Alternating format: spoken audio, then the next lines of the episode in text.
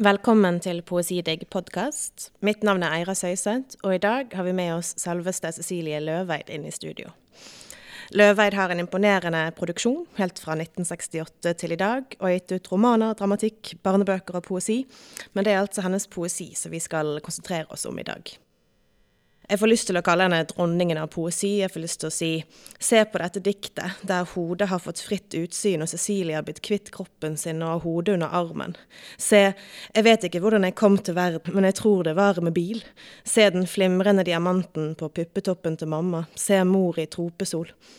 Og i løpet av den neste timen så vil vi forhåpentligvis se litt nærmere på Cecilies blikk på poesien og på diktning.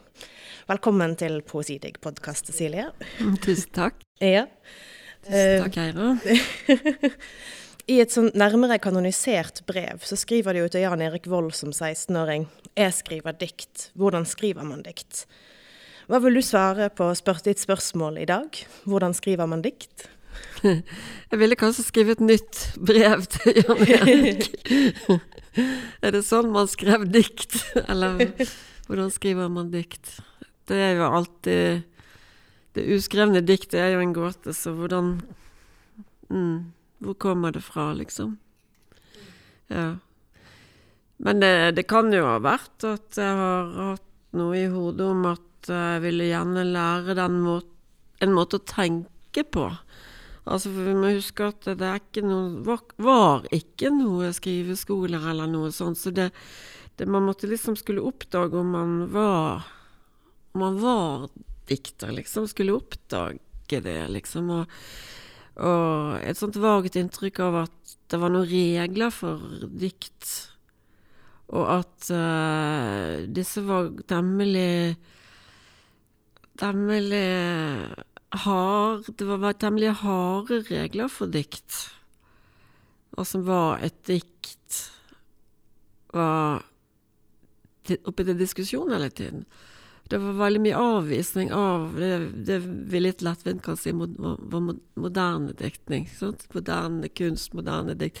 Var veldig, veldig kritisert av folk som mente de var Ja, de var altså bombesikre på at de hadde rett i at dette ikke var kunst, det ikke var dikt. Det var bare tull hvis det ikke var på en bestemt måte. Sant? Og har, med dikt så handlet veldig om om det rimet, og du kunne synge det på en salmetone eller noe sånt. Ja. Mm. Sånn som i dag, da. Så sånn eh, Hvordan vet du at det er et dikt du skriver på? Har du liksom et skille mellom dramatisk tekst eller dikt, eller glir de liksom inn i hverandre? Jeg har stor skille altså ho Hovedbevisstheten om det er i hvert fall at et veldig stort skille mellom å skrive dikt og skrive dramatikk. Eh, når jeg skriver dramatikk, så har jeg på en måte en slags en slags um, friksjon. Det er akkurat som jeg splitter meg i flere og snakker på en Kanskje ikke kalle det konflikt, men på en slags spenning, en underliggende spenning. Og den underliggende spenningen er ikke den samme nødvendigvis i, i dikt. Det er veldig det er Sikkert feil å si sjangerbevisst, for det er noe man Altså, sjangeren er jo Ja, det er jo veldig få sjangre, på en måte. altså, dramatikk er ikke en sjanger, ikke sant.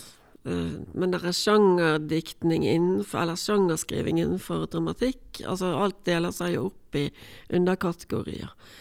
Og både for lyrikk og for dramatikk så har jeg vært opptatt av av, av, av å liksom være ny, ny. Make it new. Og jeg skulle, jeg skulle jo liksom fornye dramatikken. Mm. Eh, fornyingen av lyrikk musikken kom vel mer og mindre nesten bare fra profilgenerasjonen, eller gjengen der. Den, den gjengen, altså første, hva si, første Altså kjerne, kjernegruppen. Fordi at de var klar, klart og tydelig nærmest hånfullt foraktende for alt som hadde gått foran.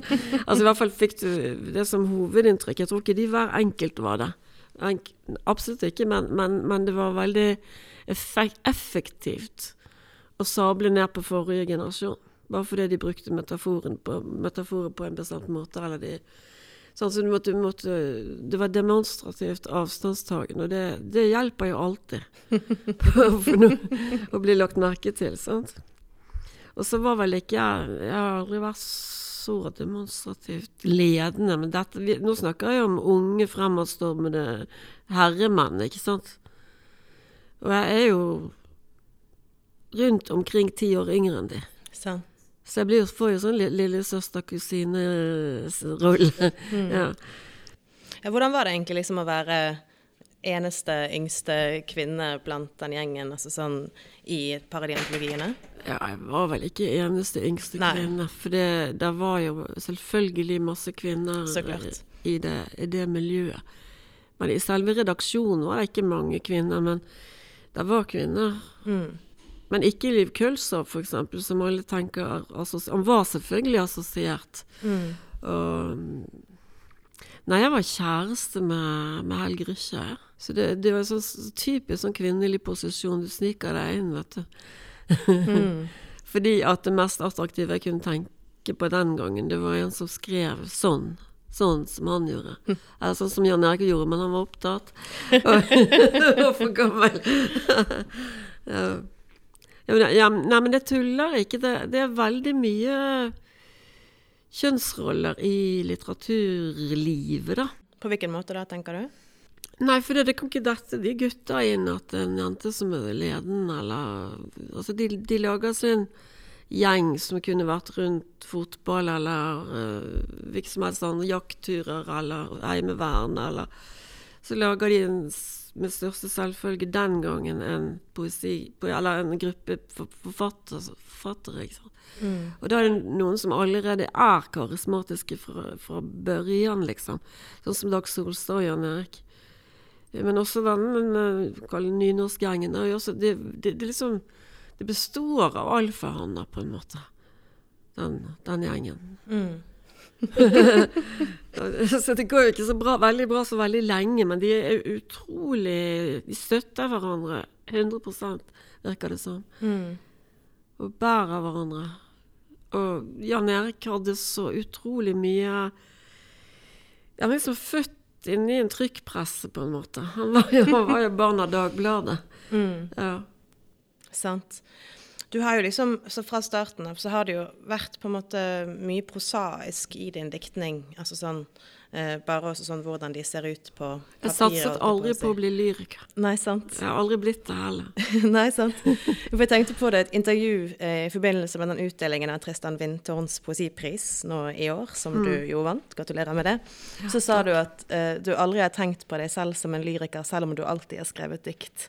Men hva tenker du liksom at en lyriker innebærer? Det henger vel kanskje litt sammen med denne første dåpen inni det der profilen, da. Mm. At, eh, at, at ting måtte også ha nye betegnelser. Det er akkurat som den franske revolusjonen. Måtene kan ikke hete det samme som før, liksom.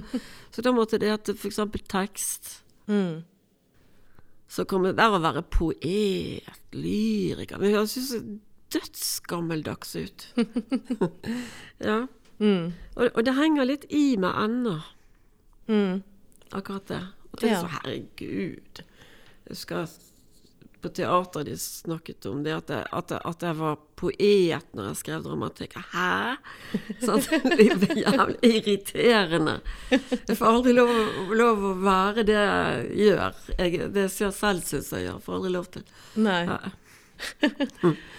Jeg tenker sånn, I den siste utgivelsen som kom i fjor, den Dikt og tekster 1968-2000, som er en samleutgivelse, så er det jo en ganske sånn betydelig periode i livet ditt som blir spent opp på et eller annet vis. Eh, hvordan, det, hvordan var det liksom å se de tekstene samlet mellom to permer på den måten? Jeg har nesten ikke sett de samlet. ja, det, det, det har vært en lang, lang, lang, lang, lang, evig lang sanking i arkiver. Uh, for alt ting blir borte hvis du ikke, hvis du ikke er sånn arkiver, arkiveringsgæren, liksom. Så blir det rett og slett borte. Og du har til og med glemt selv at du har skrevet det. Og ja, det er veldig vanlig. Eh, Så jeg kunne få overraskelser. Så kunne jeg gå rundt og savne Å, den teksten med neshårene, hvor Den var i vinduet. Var ikke den i vinduet? Nei, den var ikke i vinduet. Eh, Hva er den, da? Altså, hele, hele, hele universitetsbiblioteket står på hodet for å finne neshornet mitt, og de finner det ikke. Og, altså, jo, men jeg har skrevet det! så så det, var, det var, veldig langsomt. Og jeg tror uh, alle mine redaktører har trodd at det skulle være veldig lett å lage en sånn bunke, men det var det ikke, altså. Fordi at det var nettopp ikke bøker du kunne nyopptrykke eller bare skrive av. Det måtte skrives av uh, fra Det var jo ikke elektronisk Altså, det lå jo bare i aviser eller sånn, ikke sant. Og jeg har jo, har jo mer enn det der òg, så ja. Den er jo redigert, den der òg. Ja, ja, ja, ja. Ja, Det var jo Steinar Opstad som var redaktør for utgivelsen. Ja, han er jo blitt eh, litt av en ja. Eh, konge. Han har jo redigert mye. Festskrifter han redigert, han har skrevet om teksten. Han, så han blir jo en ekspert, han. Mm. Så ta, Først så trodde vi at han ikke skulle bebyrdes med dette, men, men til slutt så måtte vi liksom For han hadde i grunnen best oversikt. Sant. Ja. ja. Hvordan er det liksom at du på en måte å ha en annen eh, Cecilie Løveid, eh, tekstekspert, eh, ved siden av Cecilie Løveid? Nei, altså opprinnelig så Jeg traff han relativt sent i løpet, da, så, mm. og han visste om meg. og så det var veldig mye sånn nervøsitet og bødighet og sånn inn og ut og gikk, tror jeg. Eller vet jeg.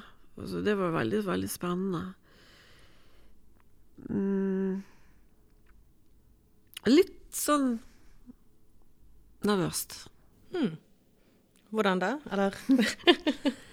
Nei, da, du lurer jo alltid Altså, Én ting er den menneskelige faktoren, den andre er liksom smak og sånn. Altså, hva, fordi at hans smak får jo, får jo prege Får jo lov å prege et utvalg, f.eks. Mm. Eller det han påpeker, blir fremhevet, så det andre drar i bakgrunnen. Så det jo, det, men det er jo et personlig det er jo det vi er ute etter når vi vil lese om litteratur, da. Så er det jo nettopp det personlige synet. Mm. Men mange ganger så har man følelsen av at de skriver av etter hverandre. Eller altså, at liksom når det har vært en del så ser du de samme formuleringene gå igjen. så Jeg tror nok det at han er hakket mer lyriker eller poet enn jeg er, på en måte. Altså at han velger, på, velger langs den veien. og så er det jo mann og kvinne, da. Så det kan være ting som er mer flaut for en mann å hente frem fra en kvinnes tekster, f.eks. Det kan være sånne ting. Men jeg har aldri, aldri gått etter i sømmene sånn, sånn streng sånn Sånn, Er dette et riktig utvalg, eller sånn? Noen ganger har jeg kanskje tenkt Hva var det jeg hadde tenkt, da? Um, jo, uh, jo, jo, jeg har tenkt at, at han har vært inne i romaner og skuespill og hentet tekster, f.eks. Mm. Uh, det er absolutt ikke forbudt. Men det kan være litt det kan være litt mye av det. sånn at det ser, fordi at det nettopp, Jeg laget jo nettopp ikke diktsamlinger. Mm. Jeg skrev jo fire romaner, og så da jeg, da jeg, endelig var blitt internasjonal og oversatt til syv språk, så, slutt, så, så, sluttet jeg jo. Ja.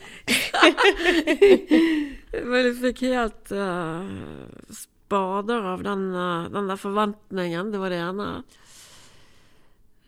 Det var i hvert fall én faktor. Men jeg hadde blitt veldig gira på teater. Og det hjalp jo veldig på å bli gira på teater når du vinner en internasjonal pris, og når du liksom Det er jo så spennende å åpne, åpne et nytt kapittel i ditt eget liv også, sant. Mm. Så, så denne der forlagsforventningen om det som blir kalt murstein, bruker vi den betegnelsen lenger? Skulle være sånn ekstra tjukk roman. Så det kappløpet vant Herbjørg Wassmo. Mm. Vi var omtrent der på like fort. Vi hadde til og med samme ruskinnskjørt. Eller ruskinn, eller sånn skinnskjørt. Svart, langt skinnskjørt. Litt sånn spansk. Ja. Høyhælte eh, sko. Og opptrådte på samme opplesningsaften eh, med samme skjørt. og da, da, da når jeg da kom i forlaget og så at de hadde pilet opp sånn der eh, Huset med den blinde glassveranda, tror jeg det var. Mm. Da tenkte jeg å ja. Hun, hun, hun gjør det riktige. Mm. Og så kom Dinas bok. Mm, ok. Så da hadde du da, da så jeg liksom hvilken retning Jeg så hva de trodde at jeg skulle bli. Mm. At det skulle bli ut av mitt forfatterskap. At det skulle liksom utvides. Den, den si, tonen fra sug da på en måte skulle gå over i sånn riktig romaner. Og, og der, nei, nei, nei, nei, du får ikke meg med på den, den veien der. Nei. Det var litt sånn. Mm. Litt sta, litt tverr, litt sånn uh, Contrary.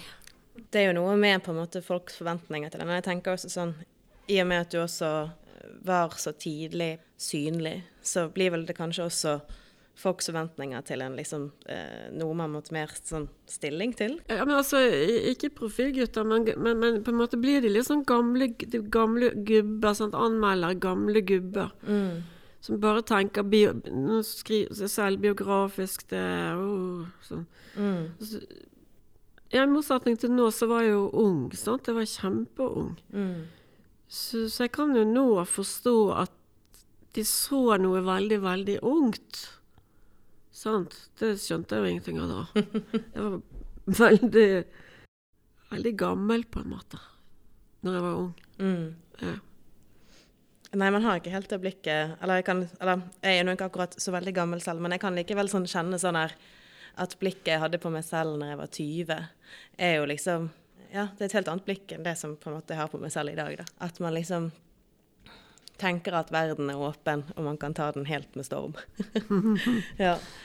Uh, Jeg, var, jeg tror jeg var veldig opp, opptatt av å være profesjonell, ja. og det er jeg ikke lenger. jeg har funnet ut at det er best å være så, så, så hva skal jeg si, spontan og uryddig som mulig. Hva legger du i det? Eller sånn eh, Nei, det er ganske viktig å være åpen på den kanalen som faktisk fører til tekst, og fører til at du arbeider. mm. Og, og, og at det er ingenting som hjelper, verken regler eller tips eller noen ting. Altså, det kan hende at 1960-tallet var jo en veldig flott tid, nettopp fordi at det kom veldig nye vinder. Det var nye vinder, det var helt nye formspråk. Det var unge kvinner som jobbet med kunst. Altså Eva Hesse, for eksempel. Kjenner du til henne? Hun Det var jo helt vilt. Hun hang opp en, eh, ja, bunke med tau eller Ikke sant? Det, det, det er frekt som bare faen. Og, det, og, og det, det var veldig fint. Men nå har jo de tingene blitt, blitt ganske Altså blitt common nesten. Altså det er jo sånn som alle, gjør, da. Ikke alle gjør, men iallfall en del av repertoaret, da. Mm. Så, så det som bekymrer, bekymrer meg mest i teater, det er, det er forventningen til teaterteksten. At den, den er gått ned til null. Mm. Uh, og at forventningen til, eh, til den lyriske teksten, den er veldig høy. Altså Jeg føler meg ikke i slekt med, med sånn norske hovedstrømninger, da. Mm. Og, og når det gjelder teaterteksten, så, så, har, så har jeg brukt jævla mye tid på å lære meg teater, altså. Både teatervitenskapelig og teaterhistorisk og, og tradisjonelt. Ikke sant? Teaterhistorien er jo lang, og den er nedskreven. Altså den er Man vet selvfølgelig en hel del om teaterpraksis, men man vet jo mest om teksten. Mm. Og den går jo gjennom karakterer og figurer og sånne ting, ikke sant. Så eh, Sånn som det kom uh, Det, det dekonstruistiske kom Altså det, det som kom på 80-tallet, det som kom he, i det hele tatt i det 20. århundret, det var jo en en utfrysing, nærmest, av, av, av sånn seriøs teater, eh, skuespillskriving. Nå tør man jo ikke engang si skuespill lenger. Nå heter det teatertekst. Og, og, og, og det Det bekymrer meg virkelig, altså. For det, det, det, det Altså, de, vi skal jeg skal altså finne meg i at de driter i teksten min. At, den er mest uviktig av alt. Fordi at en gang var, tør, var teksten konge, og det skal den faen ta meg ikke være lenger. Mm. Eh, og så er man liksom ferdig med det. Så har man glemt det. Men samtidig har de, har de altså fratatt eh, den vordende dramatikeren lysten. Altså folk drasser av dratter av lasset. Det er ikke rart. Mm. For du kan ikke forutse, du kan absolutt ikke forutse noen ting som helst. Anne Ligger er ganske lur fordi at han skriver eh, sceneanvisninger som også blir lest, altså som også blir spilt, eller hva vi skal kalle det for, som også kommer frem, på, frem i teksten, altså Mm. selve hovedteksten. Eh, Men, men eh, straks en annen gjør det, så er det jo bare Anne Ligre som går inn i deg, liksom. Altså, så du kan ikke gjøre det samme som han, Mm. helt. Nei. Men jeg vet jo det at jeg så jo hans første tekster, og da så det ut som de var skrevet av Borto Strauss, ikke sant? Det skrevet på akkurat samme måte. Maken. Ja. Mm. Ser jo det at vi sitter jo og kopierer hverandre altså for å se hvordan gjør de andre det, og så gjør du det. Mm. Og så kanskje glemmer jeg det igjen, for det, hvis det ikke var naturlig for deg egentlig å gjøre det. Så, men det hjalp. Du måtte ha noen krykker, eller du måtte ha noen hjelpemidler. Og det tror jeg vi fortsetter med hele tiden. Mm. Jeg tror vi, vi, vi, vi skriver av og snapper opp og kopierer, og, og så blir det noe annet allikevel, for det er vår egen personlige miks, da. Mm. Ja, hva tenker du liksom eh, eh, Jeg tenkte på det Altså I diktet 'En askepreik', som avslutter vandreutstillinger, så skriver det jo følgende at eh, Jeg trodde det var Samuel Beckett som stjal fødselsskriket mitt. når jeg forstått at det var John Donne selv som tok det med opp på prekestolen en askeonsdag. Alle låner av alle, det vet alle. Så eh, hva tenker du liksom om lån? Ja, lån i litteraturen. Det virker jo kanskje som at det er en del av en prosess, i Er alle ikke vi kloner av hverandre, da, så vi er egentlig samme personer sammen. Ja, kanskje vi er det. Jo, nei, men eh, jeg husker jeg leste jo veldig mye Beckett og om Beckett. Og, og da var det akkurat som om Kanskje jeg var uoppmerksom, ikke leste godt nok, men fikk inntrykk av at han hadde oppfunnet alt selv, på en måte. Og det viser seg jo å være helt fullstendig feil. Feil kortslutning, altså. Mm. Der satt han jo på, han satt jo på fanget til James Joyce, liksom. Og ja. Men, men det det med å, for en kvinne å være, eh, være assosiert i den familien Men en Fosse kan sitte og si 'back it, back it, back it', eller en annen kan gjøre det. Men straks en kvinne som sier det, så, så dreier det. Det er et eller annet som dreier. Og jeg har sittet noen måneder med Jens Bjørnebo, et stykke av Jens Bjørneboe i vinter. Mm. Og da ble, jeg liksom for første gang, tror jeg, ordentlig oppmerksom på de to kjønnenes forutsetninger.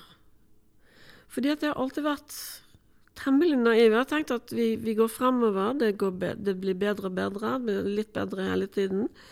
Og, og dessuten så er jeg jo en mann.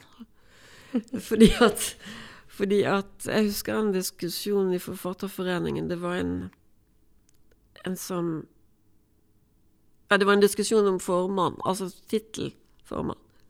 Så var det en, en dame som het Camilla Karlsson, Karlsson, Karlsson som var formann. Og så ble det liksom snakk om at det skulle jo hete forkvinne eller, eller leder eller et eller annet. Så sa hun nei, nei, hun ville være formann. Hvorfor det? Ja, jo, fordi at det er i norrønt, det er madr, og det betyr menneske. Så jeg er for mennesket, sa hun. Og det hørtes veldig klokt ut. Men så senere, ettertanke, ved senere ettertanke, så, så er det jo sånn da at det er bare mennene som er mennesker. Mm. Og når det går opp for en «Åh!»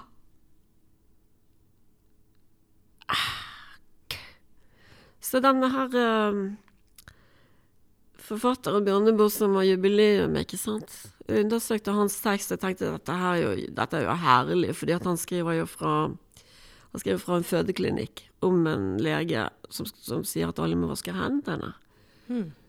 Sånn revolusjonær lege på 1840-tallet, liksom. Semmelweis. Så det, det har jeg lyst til å skrive om. Det har jeg lyst til å lese om igjen. Det har jeg lyst til å se mer på. Så gjør jeg det, og så blir jeg helt sånn Jeg får helt drittsjokk. På hvilken måte da, eller hvorfor? Um, ja, det er jo bare selvfølgelig bare mannlige leger, eller mannlig professor, mannlig øvrighet og mannlig Alt er mannlig. Og de har Det er jo bare kvinner som føder barn. Mm. Og de kvinnene som kommer der, de blir Der, der dør over 30 Mm. Over 30% Det er nesten 50-50, det er ikke langt unna. Oh my god. Og alle barna Mm. dør. Sant? Eh, Så avviser autoriteten autoritetene at det kan være en bakteriell De mener at det er noe som er i luften. Mm. Eller altså alle mulige sånne litt sånn middelalderaktige Og det skal liksom være morsomt, da. Forklaringer på hva som kan, det kan være. Men det det er, det er det at eh, det er en eh, universitetsklinikk. Samuel Semmelweis tar med seg studentene sine ned i det, det Bjørneboe kaller likkjelleren. Det er selvfølgelig sånt, sånt um, disseksjonsteater. Uh, Mm. ja. Eh, Hvor alle må prøve seg og så videre. Og da Ja, da er det jo veldig gøy der også, sant? Ikke sant? For den der høna som spriker der, ikke sant? Gud, så gøy. og så er det bli smittet på hendene, og så er det opp og undersøke vaginalt kvinnene. Og så har du det gående. Og så skjønner han at det er en sammenheng. Hvordan skjønner han det? Han går til på horehus. Og hvorfor går han på horehus? Kan du si det, du er da? Det er fordi at legene har overoppsyn med horehusene, for de skal jo beskytte menn som går på horehus. Så Det er viktig. Kvinnene må være rene. Mm. Og det har kvinnene skjønt, for de er jo selvfølgelig utsatt for den syfilisen som kundene kommer med. Så um, Altså, det er evig, evig helvete, dette her. Altså, fordi at i, i, i Bjørneboes tekst så lar han så lar han dr. Semmelweis få gratis fitte.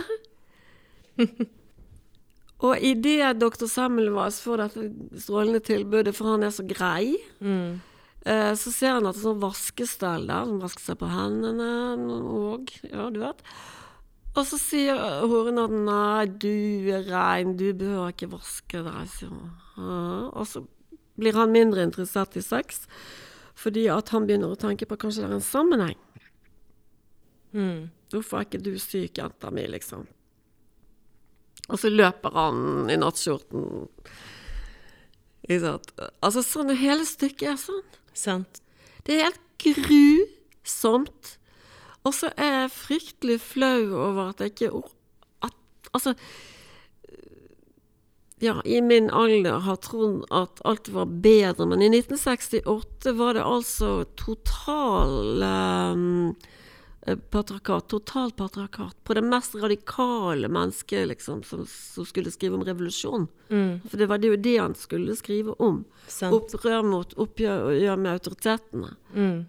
Så vidt jeg husker, så ble vel han som Olveis Eller det sånn Han ble vel totalt eh, eh, latterliggjort av de andre legene? Ja, det gikk en Ja. sånn noe som ligner 20 år eller noe sånt før noen liksom overhodet. Og da ble han sannsynligvis tatt livet av.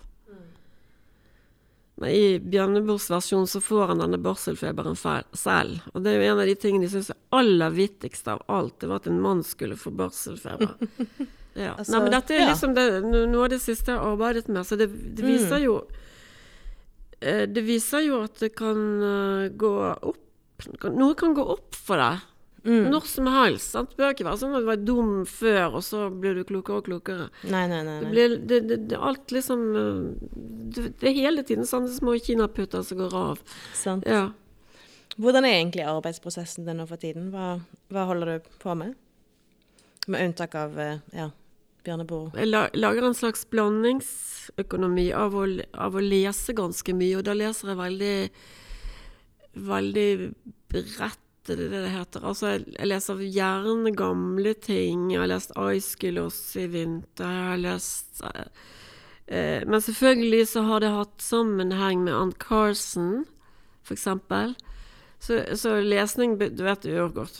Befrukt Altså du liksom du, du ledes langs en sti fordi at noen nevner noe i en bok, men så må du lese det litt gru, grundigere. Du leser en oversettelse av Dickinson, og så må du se hvordan den ble på svensk, og hvordan den ble hvordan, Liksom om det samme diktet. Du må eh, Masse sånne Altså det er litt sånn halvvitenskapelig, men, men, men ikke med vitenskapelig mål. Målet er jo egen tekst. Mm. Og den kommer da helt av seg selv, liksom. ja. Eh, Så, så har jeg mye lesning rundt Francis Bacon, fordi at jeg har, har eh, Jeg var så heldig å komme noen ganger til, til Dublin og, og fikk se det atelieret hans. Vet du noe om det? Nei, det vet jeg ikke noe om.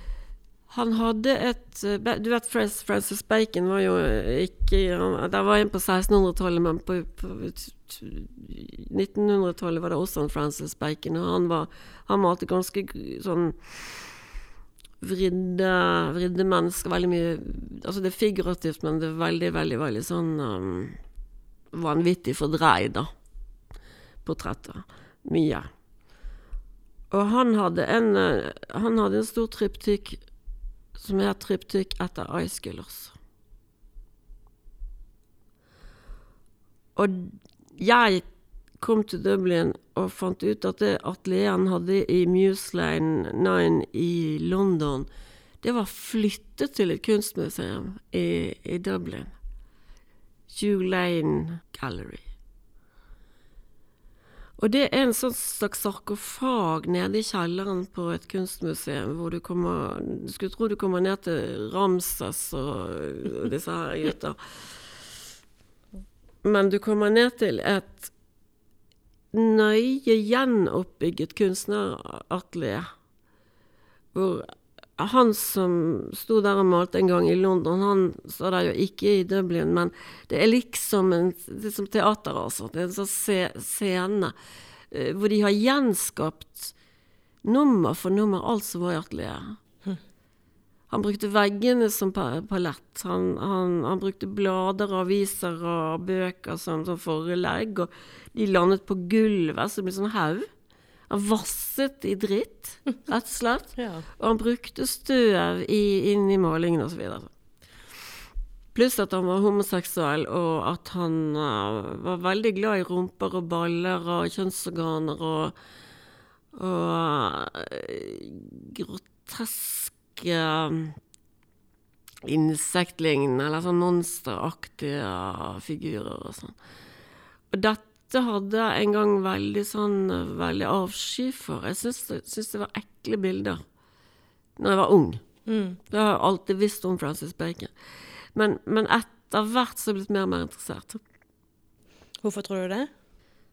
Jeg er veldig interessert i kunstnerkarakteren. Det, det behøver ikke være maler, det, det er hva slags kunstnere som helst. Men det har blitt mye forfattere og, og, og billedkunstnere. Mm. Og jeg har et lignende spor som gjelder Lena Kronqvist, som er en svensk maler. Og der kommer det eh, ut fra en fascinasjon en gang da jeg var, var veldig ung. Så var jeg på National Gallery, og så Arnold, Fi- det, eh, det som de kalte for Arnold Feeney's Wedding den gangen. Det er liksom en mann og en kvinne som står i en slags sånn forlovelsesaktig Eller en sånn seremoniell eh, Og det er fra 1400-tallet. Og så har det liksom forfulgt meg hele, hele mitt liv. Så jeg har, har liksom Det har dryppet dikt gjennom tidene på denne Arnold Finne-greia. Mm. Og så oppdaget jeg at Lena Kronskvist, den svenske maleren, hun hadde malt sin ektemann og seg selv som Arnolfini og Arnolfinis fucking brud. altså, fordi det er så mye forskning på dette Arnolfini-bildet at de har funnet ut at, at bruden var død. Altså, da bildet var malt, ble malt, så var bruden død, bruden hadde vært død i 14 år. så, så det blir akkurat som liksom disse bildene av familier hvor de, også de døde barna får være med i barneflokken. Og, altså det, Så det blir så mye mer interessant når du, når du vet. Mm. Og, og Lena Kronqvist hadde malt Gøran Tunstrøm som romanforfatteren.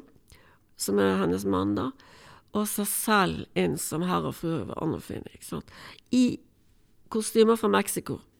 Så klær de hadde kjøpt når de var på studiereise til Mexico. Så sånn, sånn, det blir sånn stafettgreie. Mm. Og det syns jeg er veldig gøy.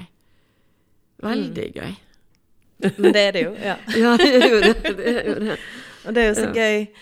Jeg tenker altså, I i vandreutstillinger så er jo liksom altså sånn ekfrasen litt tydeligere enn tidligere.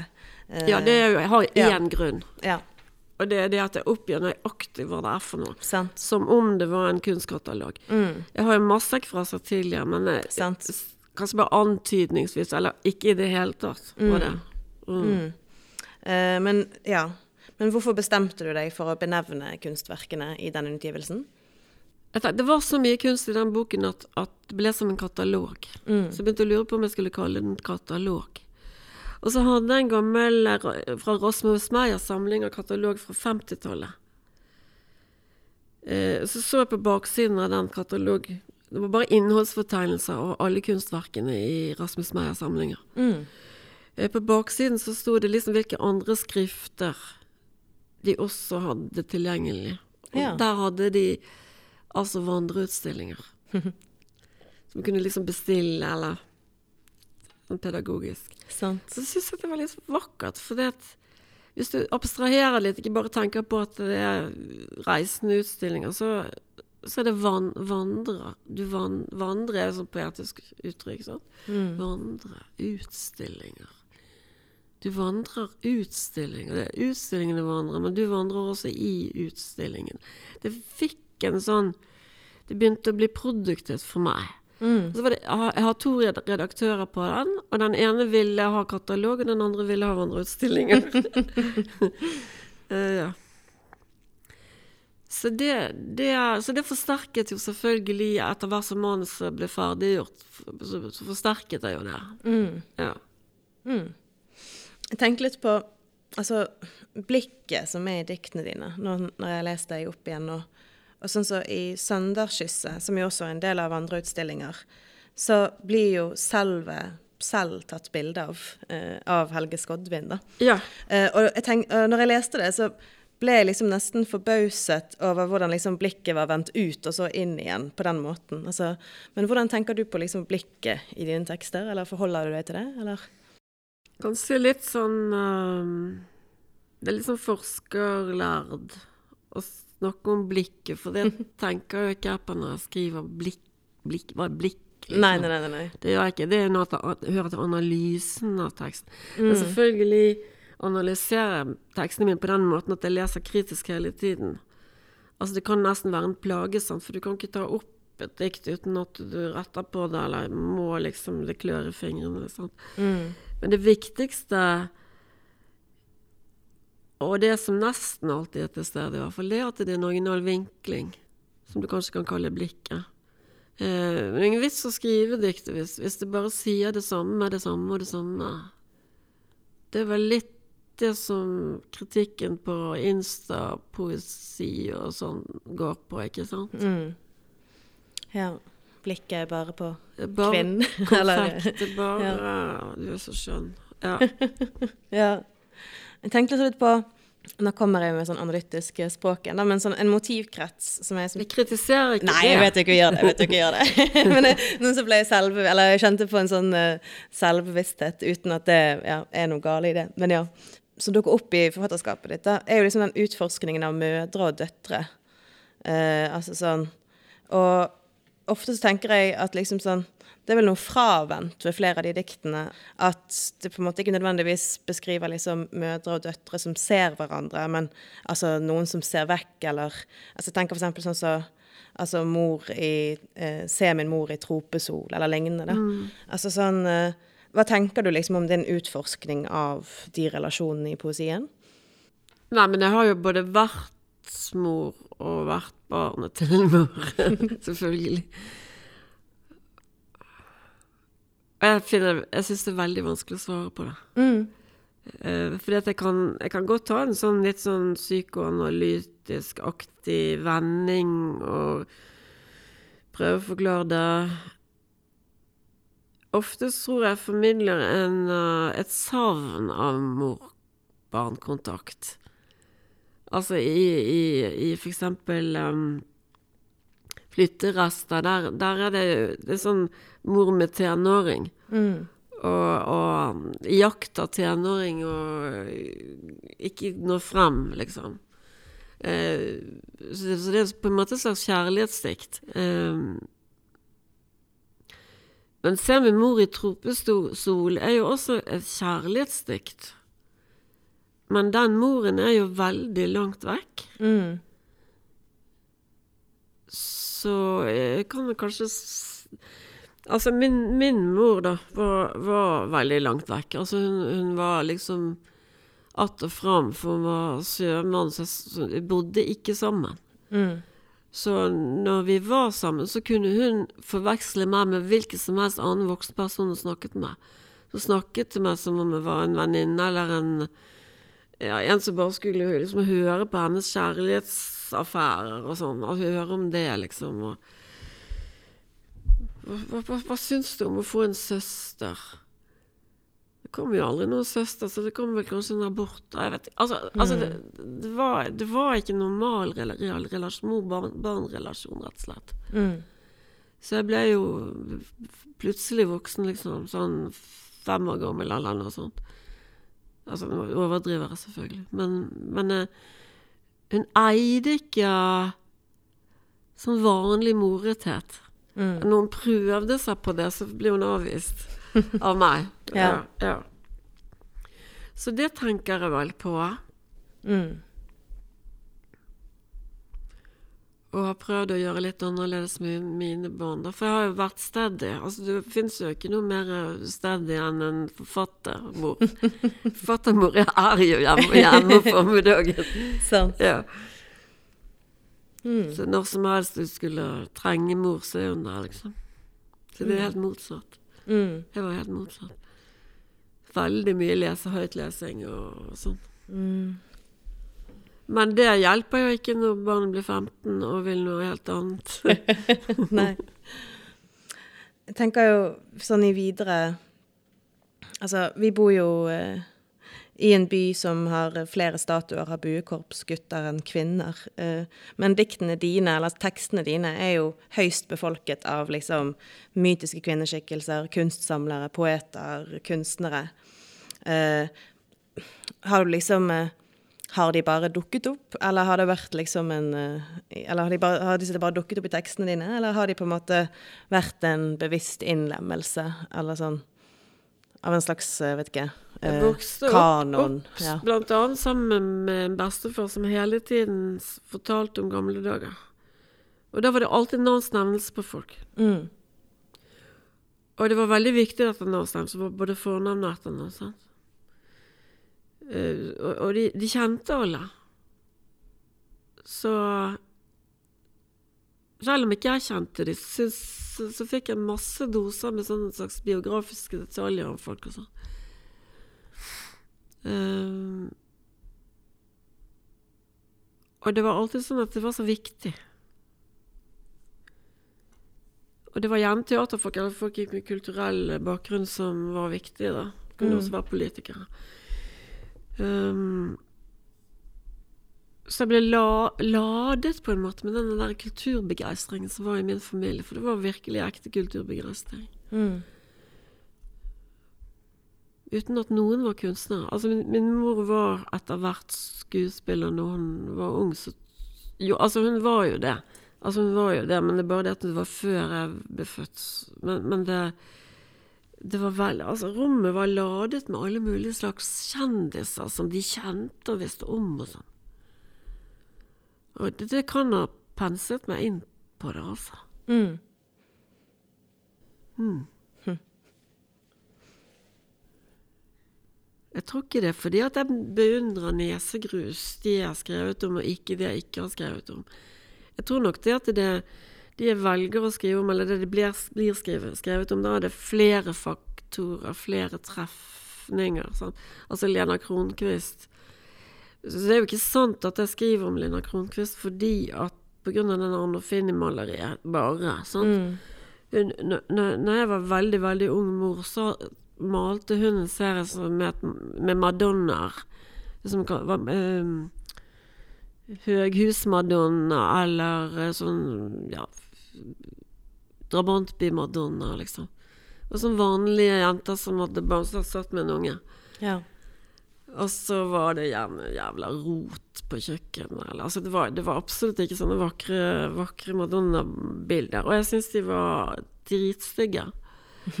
og jeg, ble veldig provosert. Sant? Fordi at hun, hun, hun lager en sånn Madonna som liksom skal gi barnet melk, eller barnet skriker, og så, og så sitter hun med sånn miniskjørt, og du ser stroppene, strømper og stropper. Så liksom akkurat som litt sånn sex um, skal være litt sånn, kvinn, altså sånn tiltrekkende kvinner som det går ikke helt i hop, liksom. Og alt det der, er jo rammet på kornet. Ja, ja, ja. Så jeg liksom Æsj! Det var akkurat som New Francis Bacon som var så ekle. Det ble du veldig tiltrukket av. Altså det som du ble provosert av først, det ble du tiltrukket av. For det hadde jo truffet deg på en eller annen måte. Mm. Ja. At det rammer et eller annet der, ja. Ja. I flere av de siste diktsamlingene dine så er det jo også flere dikt som er tilegnet eh, altså folk som er døde, da. Altså alt fra på en måte eh, ja, Louise Bourgeois til eh, Roland Barth eller Gregor Johannessen, Tove Jansson osv. Uh, tenker du liksom på de diktene som sorgdikt, eller er de liksom hedringsdikt, eller hva? Både sorg og hedring. Ja. Altså Nå har ikke alle vært røde når jeg har skrevet det. da Nei. De Louise Bourgeois ble veldig gammel, så Mm. jeg tror faktisk jeg greide det. Jeg er ikke sikker. Nei, jeg tror hun kanskje var død. Jeg husker ikke. Mm. Nei, det spiller ingen rolle. Nei. Ikke så veldig stor, i hvert fall. Men liksom Men, en men akkurat nå er det jo veldig spennende, fordi at jeg skriver om uh, type Lena Kronquist og uh, Frances Bacon. Frances Bacon er død for veldig mange år siden, sant? Mm. 2001 eller noe sånt. han døde, Jeg vet ikke. Uh, mens Lena Kronquist er 81 år gammel. Nesten blind. Og det siste filmopptaket med henne var at hun åpnet en retrospektiv utstilling. Og da gikk hun med sånne skistaver.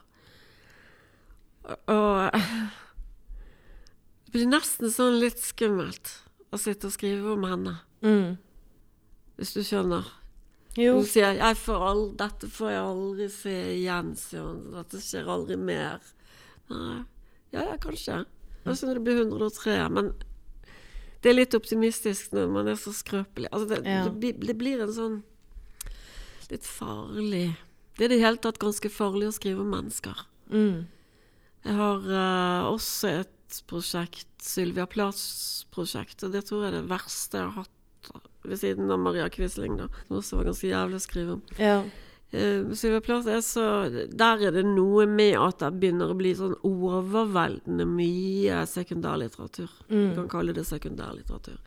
Altså, de, for de gransker henne ned i minste detalj. Vi vet hva hun, hvilken bok hun lånte på biblioteket i Brooklyn den 14. februar 1954 klokken sånn og sånn. Sant. Og det, det begynner å bli litt irriterende. Ja.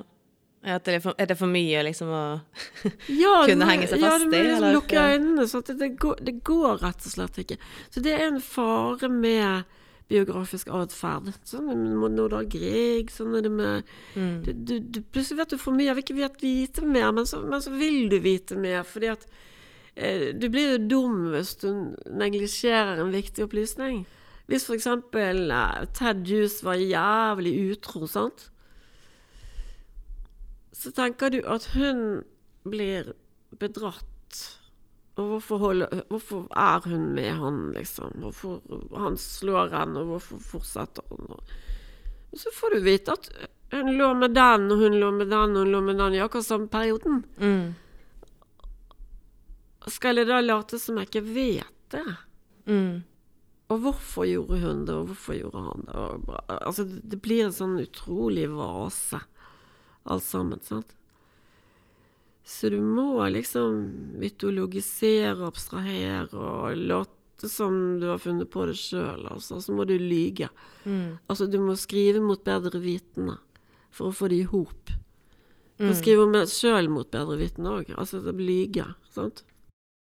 Ja, for det er jo noe som er sånn her Eller sånn som i hvert fall jeg opplever Sylvia Plath, liksom Eller hun er jo en forfatter som blir utrolig lest opp mot sin biografi, det. Eller sånn. Eh, Men så opplever jeg også sånn at i løpet av de siste årene så har det jo kommet flere og flere ja, typer materiale som Jeg tror jeg stort sett alt.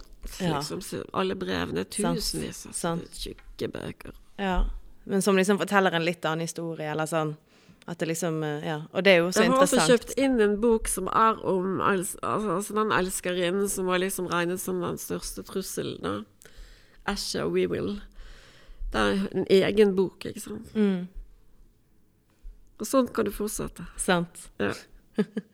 Altså, med unntak av eh, den utgivelsen 'Mørkets muligheter', som var på et dansk forlag eh, på 70-tallet, så er det jo egentlig først på 2000-tallet at det har blitt gitt ut tekster fra deg som er kategorisert som poesi. Hvorfor eh, tror du at du ble sånn? Antagelig fordi at jeg ikke laget samlinger. Jeg tror det er såpass enkelt som det. Det var jo egentlig aldri min ambisjon å bli lyriker. Og her sitter du. Jeg ville lage film, teater, romaner. Hmm. Ja. Jeg ville Opprinnelig ville jeg bli Bergman, sant. gjøre alt mulig og gjøre det sjøl. Sant.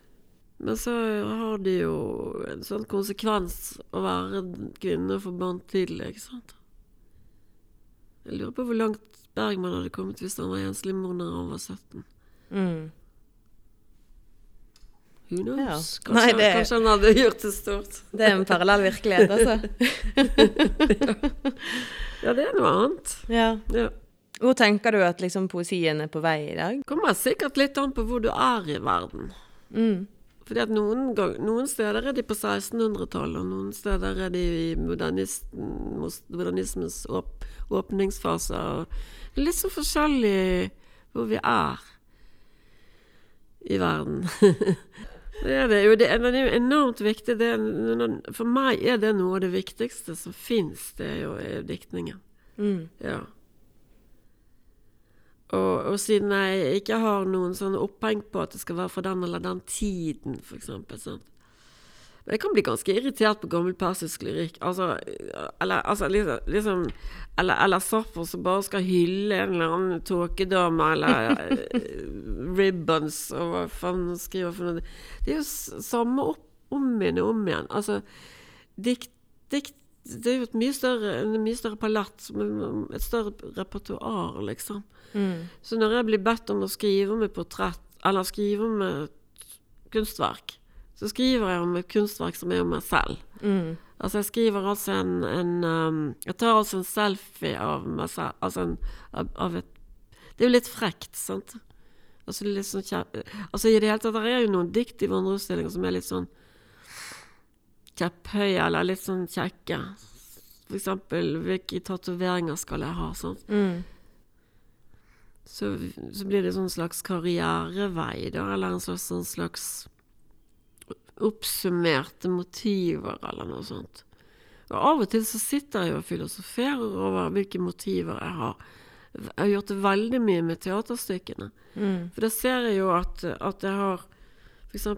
hovedskikkelser som er kvinner, og de kan være fra middelalderen, kan være fra en verdenskrig. Og så, og så danner de på en måte en sånn foldeskjerm eller en triptyk eller noe sånt, at de, at de egentlig er det samme.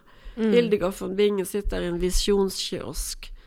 En annen sitter i en pølsebod, en, en tredje sitter i et gyttjebad. Det er jo kvinner som meg som sitter i en, en eller annen form for en slags limited plass, altså. At, Mm. at det du har begrenset plass, men, men ånden når utenfor, på en måte. Altså, du er større enn den rollen du har fått i livet. Til og med stakkars Maria Quisling er jo det. Selv om hun er sånn, sånn skurk, skurk i vår historie, Mm. så, så er hun jo en jente fra, fra Ukraina som så, så en mulighet, ikke sant? Mm. Og det, det er veldig moving, syns jeg. Eh, jeg klarer ikke å bare være sint på henne. Men jeg, jeg, tror jeg begynte å interessere meg for henne fordi at hun var så frykt Det lå sånn uh, vibrasjon så Fryktvibrasjon på stemmen når folk snakket om henne. Mm. Som heks, liksom sånn. Og da blir jeg interessert. Sant. Ja, selvfølgelig. ja. ja. ja. Jeg tror vi begynner å nærme oss eh, veis ende. Men tusen takk, Cecilie. Ja, for... Selv takk. Ja. Det var kjempekjekt å komme her. Ja.